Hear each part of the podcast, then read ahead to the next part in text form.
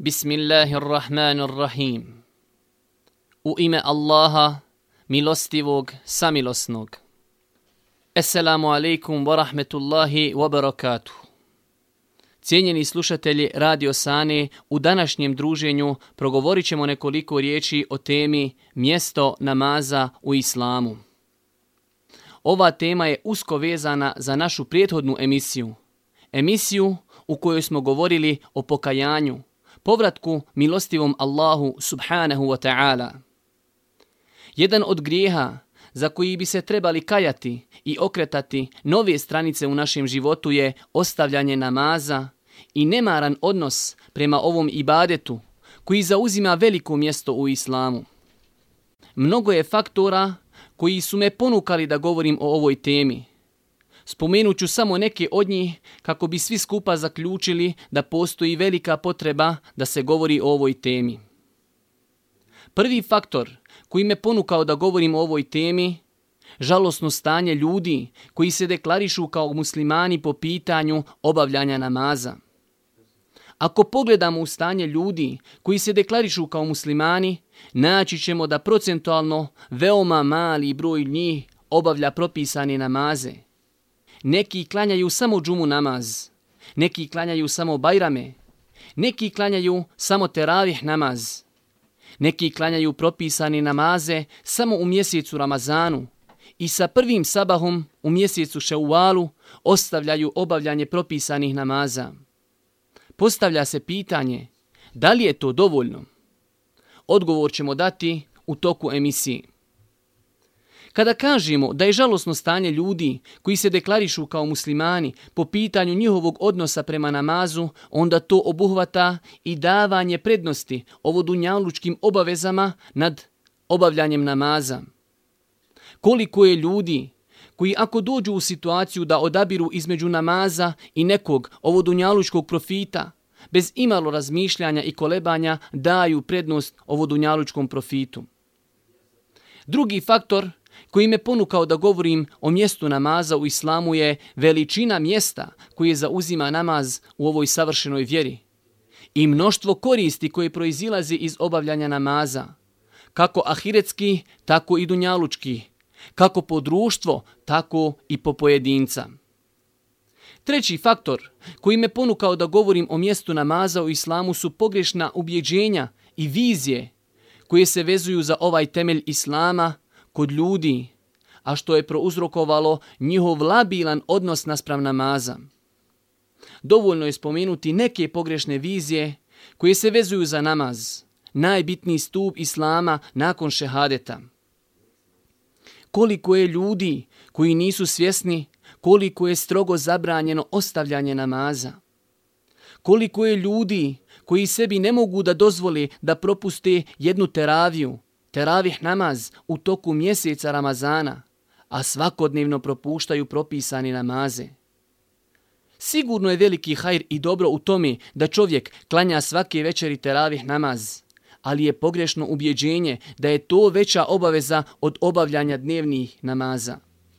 Čovjek, kada nikada u životu ne bi klanjao teravih namaz, neće biti pitan za to, jer je to dobrovoljni namaz. Koga klanja ima nagradu, a koga ne klanja neće biti kažnjen. To je definicija dobrovoljnih ibadita. Ali bit će pitan zbog jednog dnevnog propisanog namaza koji je propustio.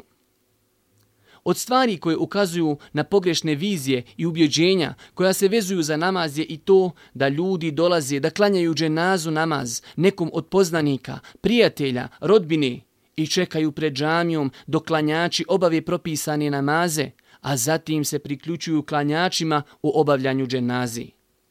Ljudi ne znaju da je obavljanje dženaze namaza kolegijalna obaveza.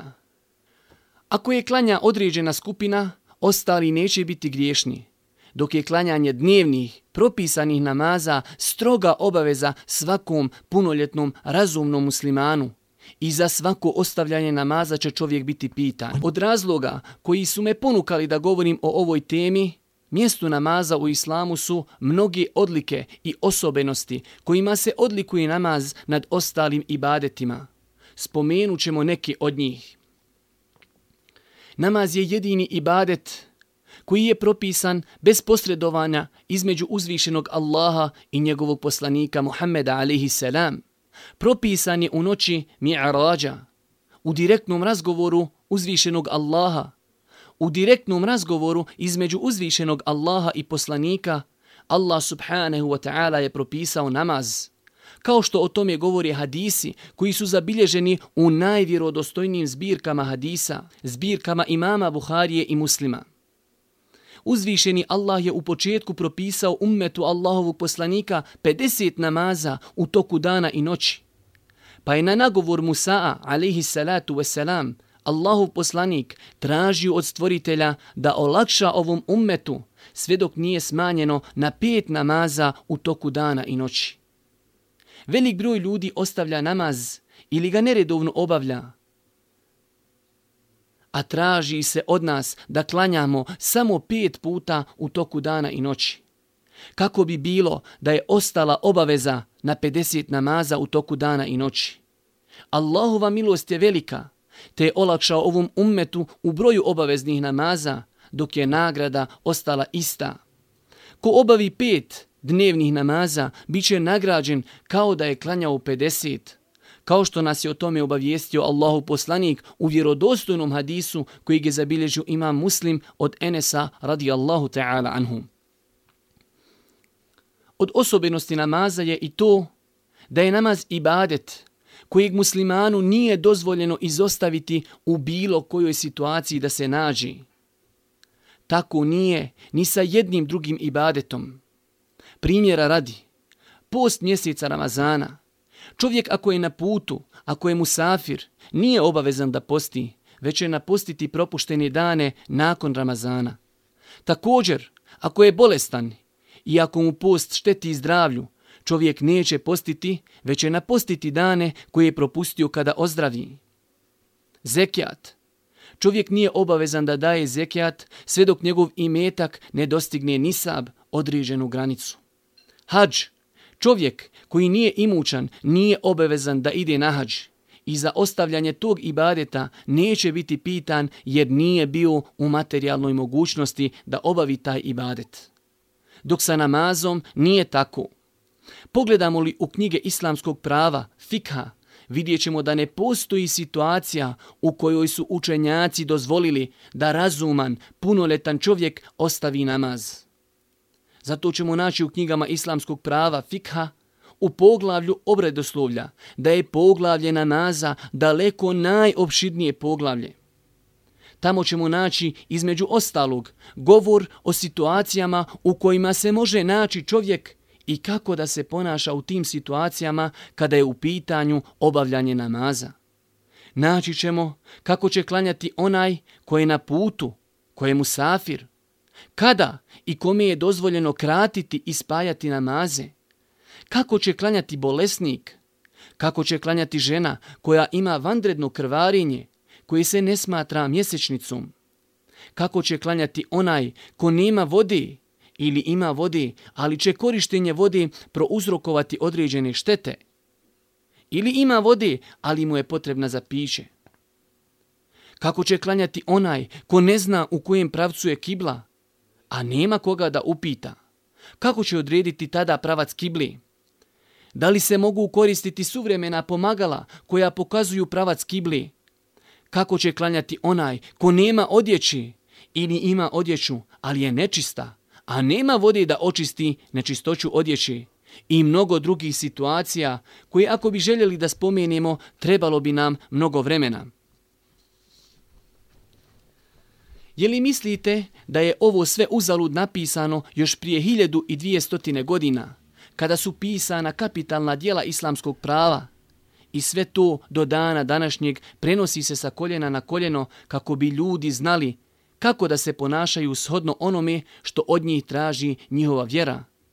Je li bilo lakše kazati, kada ne možeš klanjati iz bilo kojeg razloga, preskoči taj namaz, nemoj ga klanjati, ili naklanjaćeš kada dođeš kući, nego pisati o svim ovim situacijama i govoriti kako da se čovjek ponaša u njima. Poslušajmo govor jednog islamskog klasika, velikana, učenjaka, pravnika, pobožnjaka, imama Ibn Hazma, koji je napisao između ostalih knjiga i knjigu koja se zove Meratibul Ijma' u kojoj je pokušao da sakupi pitanja po kojima islamski učenjaci imaju jednoglasan stav. Bez razilaženja su svi zauzeli iste stavove po određenim pitanjima, zbog jasnoće dokaza koji ukazuju na to. Kaže on, Allah mu se smilovao, islamski učenjaci imaju jednoglasan stav da obaveza namaza ne spada i da ga nije dozvoljeno namjerno odgoditi iz njegovog predviđenog vremena punoljetnom i razumnom i da se obavlja shodno situaciji u kojoj se čovjek zadesi, da li sjedeći ili ležeći na bilo koji mogući način. Od osobenosti namaza je i to što su učenjaci pravnih škola, islamski klasici, u knjigama islamskog prava spomenuli žestoke rasprave o propisu onoga ko ostavlja namaz iz ljenosti. Zašto kažemo iz ljenosti? Jer islamski učenjaci se ne spori. Oni imaju jednoglasan stav da je nevjernik onaj ko zaniječi obavezu namaza pa makar i klanjao. Ali se spori u pogledu onoga ko ostavlja namaz iz ljenosti, smatrajući da je to propisano djelo u islamu i da je obaveza. Hanefijska pravna škola, mezheb, koji je zastupljen na našim prostorima, smatra se najliberalnijom školom po ovom pitanju, pa da vidimo kakav je njihov stav bio po tom pitanju. Učenjaci Hanefijskog mezheba su smatrali da osoba koja ostavlja namaz iz ljenosti, smatrajući da je on propisan i da je obavezan, u islamskoj državi se sankcioniše na način što se pritvara u zatvor i tuče se žestokim udarcima sve dok se ne pokaje ili počne redovno klanjati. A ako odbije, ostavlja se u pritvoru dok ne umri. Ovo je najliberalniji i najmilostiviji stav po pitanju onoga ko ostavlja namaz.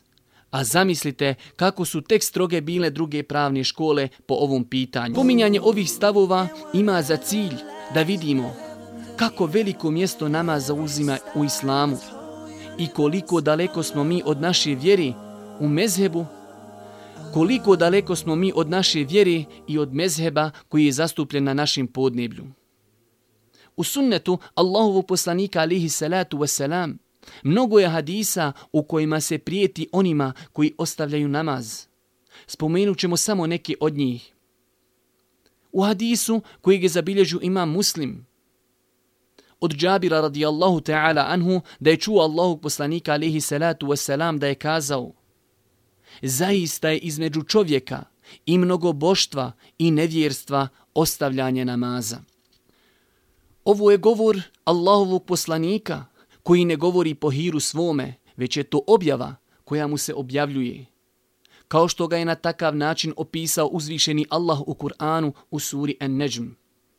Također, od, Također, od hadisa u kojima Allahu poslanik prijeti onima koji ostavljaju namaz je hadis koji je zabilježio imam Et-Tirmidhi, Ibn Mađe i drugi sa vjerodostojnim lancem prenosilaca. Od Burejdi radijallahu ta'ala anhu da je kazao Allahu poslanik ugovor između nas i nevjernika je namaz. Koga ostavi, uznevjerovao je.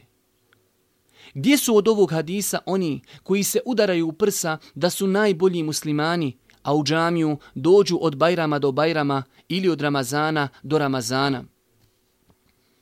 Koliko su pažnju namazu posvećivale prve generacije, govori nam izjava Abdullaha ibn Šeqiqa, poznatog tabi'ina, predaja koju je zabilježio imam Et-Tirmidhi sa vjerodostojnim lancem prenosilaca, da je kazao ashabi Allahovog poslanika nisu smatrali da je nevjerstvo u ostavljanju nekog dijela osim ostavljanje namaza. Zbog svega spomenutog u nastavku druženja spomenut ćemo argumente koji ukazuju na veličinu mjesta koje zauzima namaz u islamu. Na veličinu mjesta namaza u islamu ukazuje kuranska sura koju skoro svako od nas zna na pamet – Ma'un, poznata u narodu kao Era Ejte El Levi, u kojoj kaže Allah subhanahu wa ta'ala Era Ejte El Levi yukezibu bid din, فَذَلِكَ الَّذِي يَدُعُ الْيَتِيمِ وَلَا يَحُضُّ عَلَى طَعَامِ الْمِسْكِينِ فَوَيْلٌ لِلْمُصَلِّينَ الَّذِينَ هُمْ عَنْ صَلَاتِهِمْ سَاهُونَ الَّذِينَ هُمْ يُرَاءُونَ وَيَمْنَعُونَ الْمَاءُونَ Znaš li ti onoga koji onaj svijet poriči? Pa to je onaj koji grubo odbija siroče i koji da se nahrani siromah ne podstiče, a teško se onima koji molitvu obavljaju. Molitvu svoju kako treba ne izvršavaju, koji se samo pretvaraju i nikome ništa u naruč ne daju. Pogledamo li u komentar ovog ajeta, a teško li se onima koji molitvu obavljaju, naći ćemo da tumači Kur'ana, spominju da su to oni koji odgađaju namaz iz njegovog vremena ili oni koji kada su sa ljudima klanjaju, a kada su sami ostavljaju namaz. Ako uzvišeni Allah prijeti onima koji klanjaju, ali odgađaju namaz iz njegovog vremena, pa šta je sa onima koji nikako ne obavljaju namaz? Također, od argumenata koji ukazuju na mjesto namaza u islamu su riječi Allah subhanahu wa ta'ala kada govori o licemjerima. Pa kaže, innal munafiqine yuhadi'una Allahe wa huwa khadi'uhum. وإذا قاموا إلى الصلاة قاموا كسالى يراءون الناس ولا يذكرون الله إلا قليلا Licemjeri misle da će Allaha prevariti. On će ih nadmudriti. Kada ustaju da molitvu obave, lijeno se dižu i samo zato da bi se pokazali pred svijetom, a Allaha gotovo da i ne spomenu. Vidimo u ovom ajetu, cijenjeni slušatelji, da Allah spominje da je jedno od svojstava licemjera da oni klanjaju, a da je cilj njihovog namaza da se pokažu pred svijetom. Licemjeri za koje Allah kaže da će biti u najdubljim dubinama džehennema, pa gdje su oni koji nikako ne klanjaju? U komentaru ovog ajeta tumači Kur'ana navode hadis koji je zabilježio imam muslim od Enesa radijallahu ta'ala anhu da je Allahu poslanik alihi selam kazao to je namaz licemjera, to je namaz licemjera, to je namaz licemjera. Sjedi i promatra sunce, pa kada bude između dva šetanova roga, pred sami zalazak, ustane i nakljuca, brzo klanja četiri rekiata, a u njima Allaha skoro i da ne spomeni. Također od hadisa koji ukazuju na mjesto namaza u islamu su riječi Allahovog poslanika u hadisu kojeg je zabilježio imam Et-Tirmidhi, Ibn Mađe od Ebu Hureyre radijallahu ta'ala anhu sa vjerodostojnim lancem prenosilaca, da je Allahu poslanik alihi salatu wasalam kazao Prvo djelo za koje će biti pitan čovjek na sudnjem danu je namaz. Pa ako bude dobar, uspio je i spasio je se, a ako bude loš, propao je. Pa ako zafali nešto od obaveznih farz namaza, kazat će uzvišeni Allah, pogledajte ima li moj rob dobrovoljnih namaza, da dopune ono što fali od dobrovoljnih namaza. Pa će biti i ostala dijela isto tako. Ovaj hadis je velika prijetnja onima koji se poigravaju sa obavljanjem propisanih namaza. Čime čovjek može zaslužiti Allahovu milost ako je zakazao i labilno se odnosi naspram namaza najbitnijeg temelja Islama? Namaz nije samo ibadet za čije ostavljanje će čovjek biti kažnjen, već je to ibadet za čije činjenje se obećavaju od strane mudrog zakonodavca obilne, obilate nagrade. Zbog skučenosti s vremenom spomenut samo neke od njih. U hadisu koji je zabilježio imam Ebu Nuaym od Ibnu Omera radijallahu ta'ala anhu sa vjerodostojnim lancem prenosilaca, da je Allahu poslanik alihi salatu wasalam kazao, kada čovjek stani da klanja, donesu se svi njegovi grijesi i stavije se na njegova ramena, pa kada god učini ruku i seždu, spadaju sa njega njegovi grijesi. Nagrada slična ovoj spomenuta je u hadisu koji je zabilježio imam Buharija i Muslim od Ebu Hureyri radijallahu ta'ala anhu da je Allahov poslanik alihi salatu wasalam kazao Šta mislite kada bi u dvorištu nekog od vas bila rijeka u kojoj bi se kupao neko pet puta dnevno? Da li bi ostalo nešto nečistoći na njemu? Rekli su, ne bi na njemu ostalo ništa od nečistoći u Allahu poslaniće. Rekao je Allahu poslanik, tako je sa dnevnim namazima, Allah njima briše grijehe klanjačima. Kada ne bi bilo drugog pokazatelja koji ukazuje na veličinu mjesta namaza u islamu, do to da je to bila posljednja oporuka Allahovog poslanika njegovom ummetu, to bi bilo više nego dovoljno. Svi mi znamo da čovjek, kada mu nastupe smrtne muke, pokušava u tim momentima da spomeni, oporuči onima koji ostaju iza njega najbitnije stvari. Ono što će im najviše trebati i od čega će najviše koristi imati. U hadisu koji je zabilježio imam Ebu Davud od Ali radijallahu ta'ala anhu sa vjerodostojnim lancem prenosilaca da je kazao Allahu poslanik sallallahu alihi wasallame na smrtnim mukama Es salatu as sala wattaku Allahe fima meleket eimanukum. namaz, namaz Čuvajte svoj namaz, pazite svoj namaz i bojte se Allaha za one koji su u vašim posjedu. Pogledajmo samo kako su prve generacije doživljavale namaz za razliku od nas, koji ne možemo pojmiti da neko ustrajava u klanjanju pet dnevnih namaza.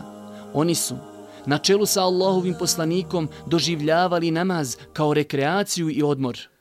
U hadisu kojeg zabilježu imam Ebu Davud sa vjerodostojnim lancem prenosilaca, da je Allahu poslanik alihi salatu wasalam kazao Bilalu Ja Bilal, eqimi s-sala, erihna biha. O Bilale, prouči i kamet za namaz, odmori nas njime. Kako je samo velika razlika između nas i prvih generacija. Oni su nalazili smiraj i odmor u namazu, a nas umara slušanje govora o namazu, a da ne govorimo kako je teško kako nam je teško obaviti nekoliko namaza u toku dana. Mi, iako se prevarimo i dođemo u džamiju, onda to vrijeme maksimalno iskoristimo da isplaniramo naše sedmične aktivnosti. Vidimo u toku namaza sve što drugi radi po džamiji. Zato takav namaz ne ostavlja na nas nikakvog traga, a trebalo bi da iziđemo iz džamije ojačanog vjerovanja, da nakon, staja, da nakon stajanja pred uzvišenim napunimo baterije našeg vjerovanja i da budemo u nastavku života spremni na pokornost u onome što se naređuje i da budemo spremni ostaviti ono što se zabranjuje. Kaže uzvišeni Allah, Inna salate tenha anil fahšai wal munkar. Obavljaj molitvu. Molitva zaista odvraća od razvrata i od svega što je ružno. Mnogo je kuranskih ajeta u kojima Allah hvali one koji redovno namaz obavljaju, a blagoli se onima koji potpadaju pod ta svojstva, svojstva kojima uzvišeni hvali neke od svojih robova. Kaže uzvišeni Allah, kad eflehal mu'minun, ono što želi vjernici će postići. Pa Allah subhanahu wa ta'ala u nastavku sure pojašnjava ko su ti vjernici koji će postići ono što žele, pa kaže oni koji molitvu svoju ponizno obavljaju i koji molitve svoje na vrijeme obavljaju. Također, uzvišeni Allah hvali one robove svoje koje nisu ovodunjalučke obaveze spriječile od redovnog obavljanja namaza. Pa kaže uzvišeni Allah, riđalun, لا تلهيهم تجارة ولا بيع عن ذكر الله وإقام الصلاة ljudi koje kupovina i prodaja ne ometaju da Allaha spominju i koji molitvu obavljaju i milostinju udjeljuju i koji strepe od dana u kojem će srca i pogledi biti uznemireni. Ako smo iskreni u namjeri da postignemo zadovoljstvo uzvišenog, trebali bi da se preispitamo gdje smo mi od spomenutih osobina. Gdje smo mi od spomenutih osobina? Da li nas ovo dunjalučke obaveze sprečavaju od obavljanja namaza ili ne? Zaista je čudno naše stanje. Kada je u pitanju obavljanja namaza, tako osjećamo poteškoću. Tako nam je se teško probuditi na sabah. Nerijetko prespavaju oni koji klanjaju a kada je u pitanju neki posao ili materijalna dobit, tada imamo snagi, elana, morala. Ako se bojimo da bi mogli prespavati, mi dva sata pripremimo kako ne bi prespavali. Cijelu noć ne možemo spavati iščekivajući svanuće. To je sve veliki pokazatelj da smo mi ovom životu dali prednost nad ahiretskim životom koji je vječan. Da smatramo dunjalučki život ciljem, a ne sredstvom kojim ćemo zaslužiti cilj. Allahovo zadovoljstvo i vječnu nagradu džennet koju je pripremio za pokorne robove. Koliko puta slušamo poziv muezina, dođite na namaz, dođite na spas, ali mi se oglušujemo na taj poziv i ne pada nam na um da je taj poziv upućen baš nama, a ne onima koji su u džami, jer oni znaju da je nastupilo namasko vrijeme, ali mi koji nismo tu, taj poziv je upućen nama. Nakon što smo spomenuli neke argumente koji ukazuju na veličinu mjesta namaza u islamu, u nastavku druženja spomenut ćemo neke argumente koji ukazuju na vrijednost i obavezu obavljanja namaza u džematu. Mnogo je argumenata koji ukazuju na vrijednost i obavezu obavljanja namaza u džematu za muškarce. Pokušat ćemo spomenuti neke od njih. Hadis koji je zabilježio imam Buharija i muslim od Ibnu Omera radijallahu ta'ala anhu da je Allahu poslanik kazao Namaz obavljen u džematu je vrijedniji od namaza pojedinca za 27 stepeni. Također, hadis Osmana radijallahu ta'ala anhu, koji je zabilježio ima muslim u svome sahihu, da je čuo Allahu poslanika da je kazao Ko klanja jaciju u džematu, kao da je klanjao pola noći. A ko klanja sabah u džematu, kao da je klanjao cijelu noć. Cijenjeni slušatelji, Zar ne bi svako od nas želio da bude gost uzvišenom Allahu? To ćemo postići odlaskom u džamiju radi obavljanja namaza. U hadisu koji je zabilježio imam Et Taberanij od Selmana radijallahu ta'ala anhu sa vjerodostojnim lancem prenosilaca kao što je to potvrdio ših Albani rahmetullahi alihi, da je Allahu poslanik alihi salatu wasalam kazao ko abdesti u kući potpunim abdestom, zatim ode u džamiju, on je Allahov gost a pravo gosta kod onoga koga posjećuje je da bude ugošćen. Čovjek, dok je na Dunjaluku, određenim dijelima može da zasluži Allahovo zadovoljstvo i radost. Jedno od tih dijela je i dolazak u džamiju sa prethodno uzetim abdestom. U hadisu koji je zabilježio imam Ibnu Huzeyme u svome sahihu od Ebu Hureyri radijallahu ta'ala anhu da je Allahu poslanik alihi salatu wasalam kazao Ko abdesti na potpun način, zatim ode u džamiju, ne želijeći ništa osim namaz u njoj, njemu se Allah obraduje kao što se porodica obraduje povratku putnika koji se vrati sa putovanja. Mnogo je drugih argumenata koji ukazuju na vrijednost obavljanja namaza. U nastavku ćemo spomenuti neke argumente koji ukazuju na obavezu klanjanja namaza u džematu za muškarce. Jedan od njih je hadis koji je zabilježio ima muslim od Ebu Hureyri radijallahu ta'ala anhu. Da je došao slijepac Allahovom poslaniku alihi salatu wasalam i kazao O Allahov poslaniće, ja nemam vodiča koji će me voditi u džamiju. Pa je pitao da mu dozvoli Allahov poslanik alihi salatu wasalam da klanja namaz u kući. Pa mu je dozvolio Boži poslanik. Pa kada se okrenuo Pozvao ga je Allahov poslanik i kazao, čuješ li poziv, čuješ li ezan? Pa je kazao, da. Pa je rekao Allahu poslanik, odazovi se. U drugim predajama koje pojašnjavaju ovaj hadis, ovaj slijepac je spomenuo više razloga zbog kojih je tražio da mu Allahov poslanik dozvoli da izostaje iz džemata.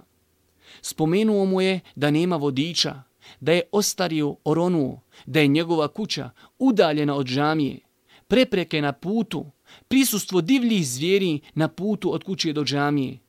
I sve to nije bilo dovoljno da poslanik dozvoli da ne prisustuje namazu u džematu. Gdje smo mi? Gdje je naša omladina od ovih hadisa?